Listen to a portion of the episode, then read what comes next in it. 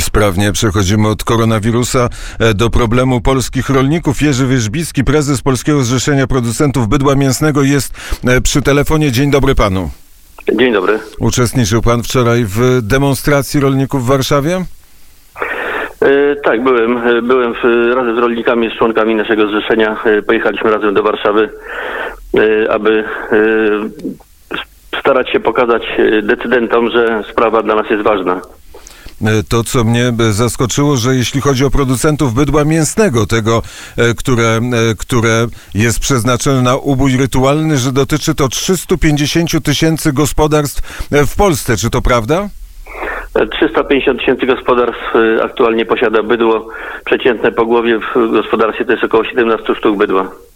I proszę powiedzieć, po tej demonstracji, co pan czuje, co pan myśli, jak przebiegała ta demonstracja? E, Nie byłem z przodu, nie wiem co tam się działo z przodu, byłem e, w środkowej części. E, Atmosfera wśród rolników była, no jakby to powiedzieć, mimo COVID-u, mimo strefy żółtej, mimo fatalnej pogody jaka była, przyjechało, ogromna ilość rolników przyjechała. No i wszyscy patrzą z niepokojem na, na, na to, co się w tej chwili dzieje w procesie legislacyjnym, jaki będzie finał tej sprawy. Czują obawy, mają doświadczenia z poprzedniego okresu, kiedy zakaz uboju e, obowiązywał i wiedzą, że wtedy ceny sukcesywnie spadały. Teraz bo wystarczyły informacje o mm, pracach i nastąpiły zawirowania na rynku. Wczoraj była bardzo ciekawa wypowiedź jednego z rolników e, w, w telewizji polskiej. E, Podkreślał, że ceny cieląt, które, za które dostawał 500 zł, dzisiaj nikt nie chce kupić. No i co z tym fantem można zrobić? Dzisiaj jest decyzja, e, o 9.30 będzie decyzja e, Komisji Połączonej Senackiej i e, Ustawodawczej. Następnie posiedzenie Senatu. No i zobaczymy, jakie decyzje podejmą senatorowie. W jakim kształcie ta ustawa mm, pójdzie dalej do Sejmu, z jakimi poprawkami.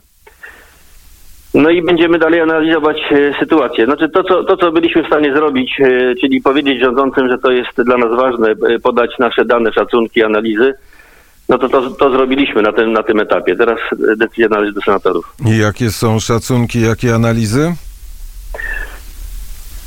E, Spodziewamy się, e, są, są, e, jest kilka scenariuszy. Jeden scenariusz, można powiedzieć optymistyczny, to jest spadki około 10% cen, procent e, cen.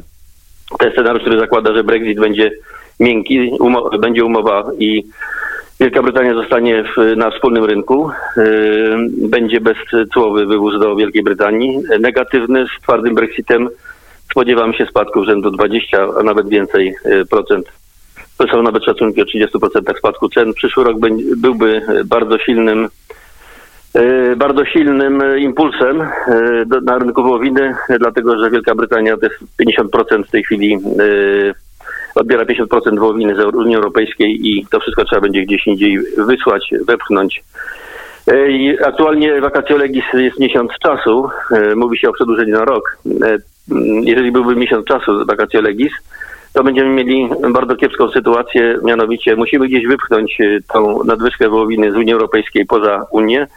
No, e, Cztery piąte eksportu dzisiaj to jest na rynki halal kosher i te, e, te rynki, na których zostanie zablokowany. Będziemy musieli eksportować, szuk e, nerwowo szukać innych rynków. To nie będzie proste. Będziemy mieli silną konkurencję z strony Irlandii. Ale e, ten 20, 20% spadek ceny jest niezależny od piątki Kaczyńskiego, niezależny No jest zależny, jest, znaczy jest zależny, dlatego że jeżeli będziemy zmuszeni konkurować ostro na rynku Unii Europejskiej e, z Irlandią, która jest pierwszym eksporterem wołowiny w Europie, my jesteśmy drugim, e, to e, każdy potencjalny rynek, który możemy, w którym możemy sprzedać więcej, jest dla nas ważny, a e, 80% eksportu poza Unię Europejską w tej chwili eksportujemy na rynki halal kosher. Jeżeli to będzie zamknięte, to ta możliwość zostanie nam zablokowana. W związku z tym nasze możliwości się mocno skurczą.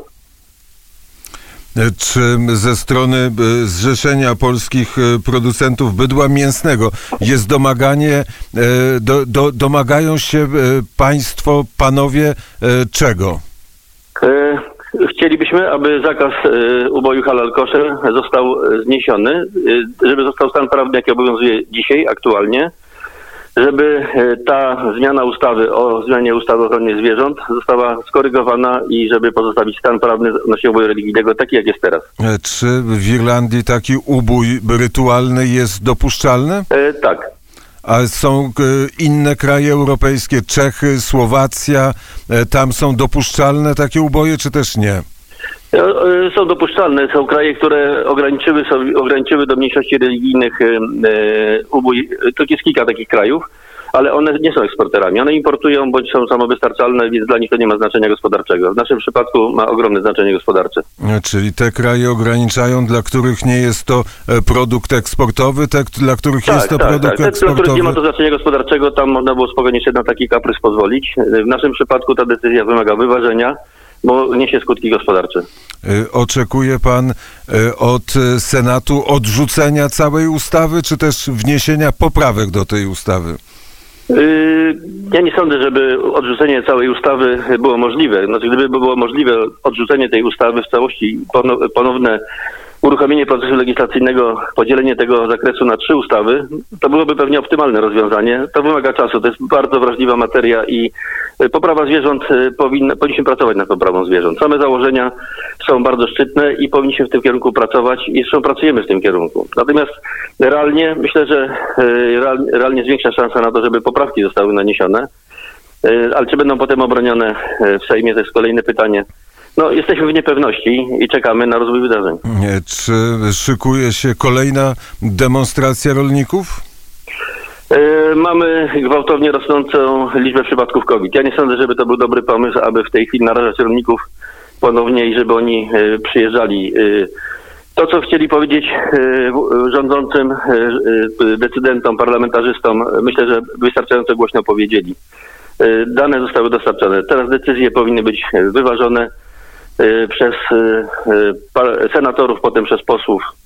Y, Na pewno jest miejsce na to, żeby rozmawiać w terenie z, y, ze swoimi parlamentarzystami i y, wzajemnie się wymieniać argumentami. Rolnicy powinni pokazać, czego się obawiają, a senatorzy powinni przekonywać se posłowie, y, że y, nie powinni się obawiać.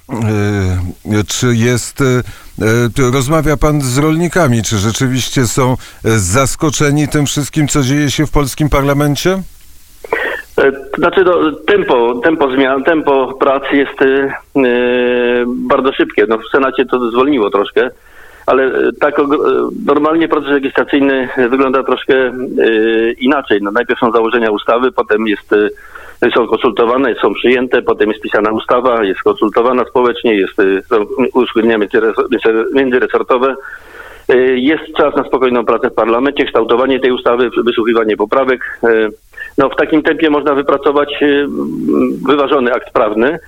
Y, Tutaj tego czasu brakuje. Y, Brakuje i y, chcielibyśmy, aby ta e, sprawa zakończyła się pozytywnie dla nas. Mm, Natomiast no, na razie, tak jak mówię, rolnicy są zaniepokojeni, boją się oceny. Jest e, taki, e, taka myśl w Europie, wielu obywateli Europy się e, pod tym podpisało, żeby, za, żeby w ogóle zatrzymać tak zwaną hodowlę klatkową w zwierząt. Słyszał pan o tym? No niestety, panie redaktorze, ja słyszę o tym bardzo często i ja jestem zwolennikiem mechanizmów rynkowych. Uważam, że konsument powinien mieć swobodę wyboru, co dla niego jest ważne, co dla niego nie jest ważne, e, gdzie relacja jakości do ceny jest atrakcyjna, a gdzie nie. Wystarczy, by był dobrze informowany, tak jak w przypadku jajek, gdzie mamy te oznaczenia rozpoznawane przez e, wszystkich konsumentów. Oni doskonale wiedzą, czy chcą z klatkowego, czy chcą z wolnego wybiegu, czy chcą ekologiczne. Decyzja należy do nich. Oni decydują przy kasie i dzisiaj układ w Polsce jest taki, że 85% y, jajek jest kupowanych z chowu klatkowego. To głosowanie przy kasie sklepowej wygląda inaczej niż te zapewnienia y, aktywistów, którzy nas y, zapewniają, że zrobili dobre analizy rynkowe, zapytali konsumentów, konsumenci im powiedzieli. Nie, moim zdaniem to nie jest dobra droga, żeby zamykać konsumentom, odcinać konsumentów od pewnych produktów, y, administracyjnie wpływając na polityków, lobbując zmiany prawa to rynek powinien się układać ewolucyjnie. Jeżeli konsumentom zależy na chobie bezklatkowym, producenci będą się ustawiać po- pod taką produkcję. Oczywiście ona jest droższa, konsument musi to potwierdzić kupując w droższej cenie. A czy, nie jest to, ułoży. a czy to nie jest e, szansa dla polskiego rolnictwa, które jest e, na szczęście jeszcze opiera się o gospodarstwa rodzinne? Tak jak podkreśliłem, w przypadku bydła, bydła mięsnego produkcji żywca wołowego mamy 17 sztuk na gospodarstwo. Nieco około tysiąca gospodarstw jest dużych, które mają powyżej. Y, Zresztą dlatego też jesteśmy atrakcyjnym dostawcą y, do Izraela, bo y, właśnie z tych małych gospodarstw to zwierzęta są bardziej zdrowe, one mają, są w lepszej kondycji, one są a nie mają problemów chorobowych, zmian w płucach, po przeziębieniach i tak dalej. Z dużych gospodarstw z Unii Europejskiej tam jest o wiele większe ryzyko, że ubita sztuka nie będzie się kwalifikowała na, na, na koszer. U nas jest to lepiej. Tutaj e, postawimy kropkę, będziemy obserwować e, to, co dzieje się w Senacie E, dzisiaj po godzinie 9, po godzinie 9.30 głosowanie nad ustawą, nad piątką Kaczyńskiego, bo tak o tej ustawie mówimy. Dziękuję bardzo za rozmowę. Dziękuję. Do widzenia. Jerzy Wierzbicki, prezes Polskiego Zrzeszenia Producentów Bydła Mięsnego, był gościem poranka wnet na zegarze godzina ósma. W studiu jest już Jaśmina Nowak.